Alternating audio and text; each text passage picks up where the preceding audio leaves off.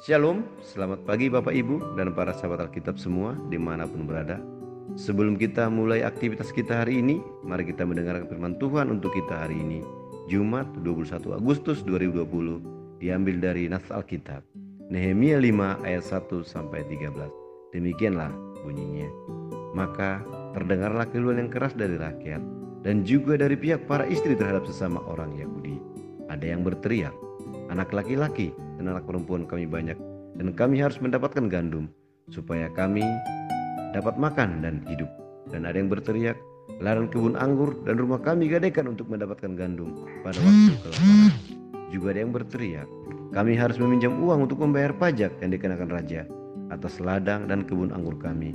Sekarang walaupun kami ini saudara sedaging dengan saudara-saudara sebangsa kami dan anak-anak kami sama dengan anak-anak mereka, namun kami terpaksa membiarkan anak-anak lelaki dan anak-anak perempuan kami menjadi budak dan sudah beberapa anak perempuan kami harus membiarkan di membiarkan diri dimiliki orang lain. Kami tidak dapat berbuat apa-apa karena ladang dan kebun anggur kami sudah di tangan orang lain. Maka sangat marahlah aku ketika ku dengar keluhan mereka dan berita-berita itu. Setelah berpikir masak-masak, aku menggugat para pemuka dan para penguasa.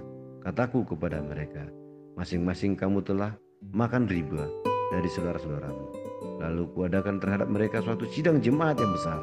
Berkatalah aku kepada mereka, kami selalu berusaha sedapat-dapatnya untuk menebus sesama orang Yahudi yang dijual kepada bangsa-bangsa lain. Tetapi kamu ini justru menjual saudara-saudaramu supaya mereka dibeli lagi oleh kami. Mereka berdiam diri karena tidak dapat membantah. Kataku, tidaklah patut apa yang kamu lakukan itu. Bukankah kamu harus berlaku dengan takut akan Allah kita untuk menghindarkan diri dari cercaan bangsa-bangsa lain, musuh-musuh kita. Juga aku dan saudara-saudaraku dan anak buahku telah membungakan uang dan gandum pada mereka. Biarlah kita hapuskan utang mereka itu. Biarlah kamu kembalikan kepada mereka hari ini juga ladang mereka, kebun anggur, kebun zaitun, dan rumah mereka. Pula hapuskanlah utang mereka, yakni uang serta gandum, anggur dan minyak yang kamu tagih daripada mereka. Berkatilah mereka itu. Akan kami kembalikan dan kami tidak akan menuntut apa-apa dari mereka. Kami akan lakukan tepat seperti yang kau perintahkan. Lalu aku memanggil para imam dan menyuruh mereka bersumpah bahwa mereka akan menepati janji mereka. Juga ku kebas lipatan bajuku sambil berkata, Demikianlah setiap orang yang tidak menepati janji ini akan dikebas Allah dari rumahnya dan hasil jeripayanya. Demikian ia dikebas dan menjadi hampa. Dan seluruh jemaat berkata, Amin. Lalu memuji Tuhan. Maka rakyat berbuat sesuai dengan janji itu. Demikianlah kitab kita untuk pagi hari ini. Tema renungan kita saat ini adalah Jadilah pembebas bukan penindak. Proses restorasi pembangunan tembok Yerusalem pada zaman Nehemia memanglah tidak mudah ada begitu banyak gangguan yang mereka alami saat itu. Gangguan yang bersumber dari dalam kelompok masyarakat Israel itu sendiri. Ada banyak rakyat yang mengalami penindasan atau pemerasan yang di mana hal itu dilakukan oleh para pemimpin mereka sendiri. Sehingga mereka mengeluh begitu keras sampai terdengar oleh Nehemia. Mendengar berbagai keluhan dan berita-berita kesusahan yang dialami oleh rakyat, Nehemia tidak tinggal diam. Dia langsung berupaya untuk mengatasi masalah yang sedang mereka alami.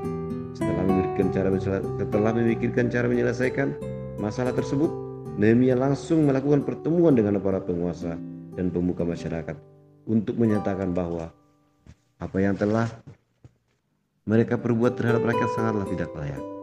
Serta Nehemia meminta agar mereka bersumpah dan mengembalikan harta milik rakyat yang telah mereka ambil. Sahabat Alkitab, apa yang pernah dirasakan oleh rakyat Israel pada zaman Nehemia mungkin juga masih dirasakan oleh beberapa kelompok orang di berbagai belahan dunia masa kini. Penindasan dan penjajahan masih saja berlangsung hingga kini.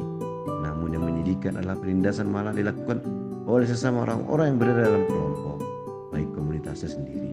Pada umumnya, penindasan dilakukan oleh orang-orang yang memiliki power secara fisik atau secara struktur organisasi atau gender.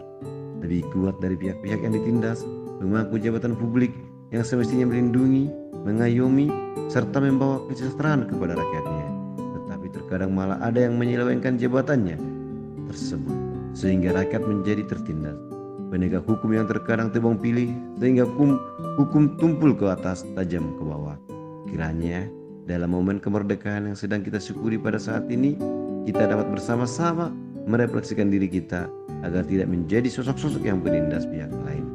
Jangan sampai kita sebagai orang-orang Kristen yang seharusnya membawa damai, malah menjadi pembawa kesusahan dan merampas kemerdekaan bagi sesama kita.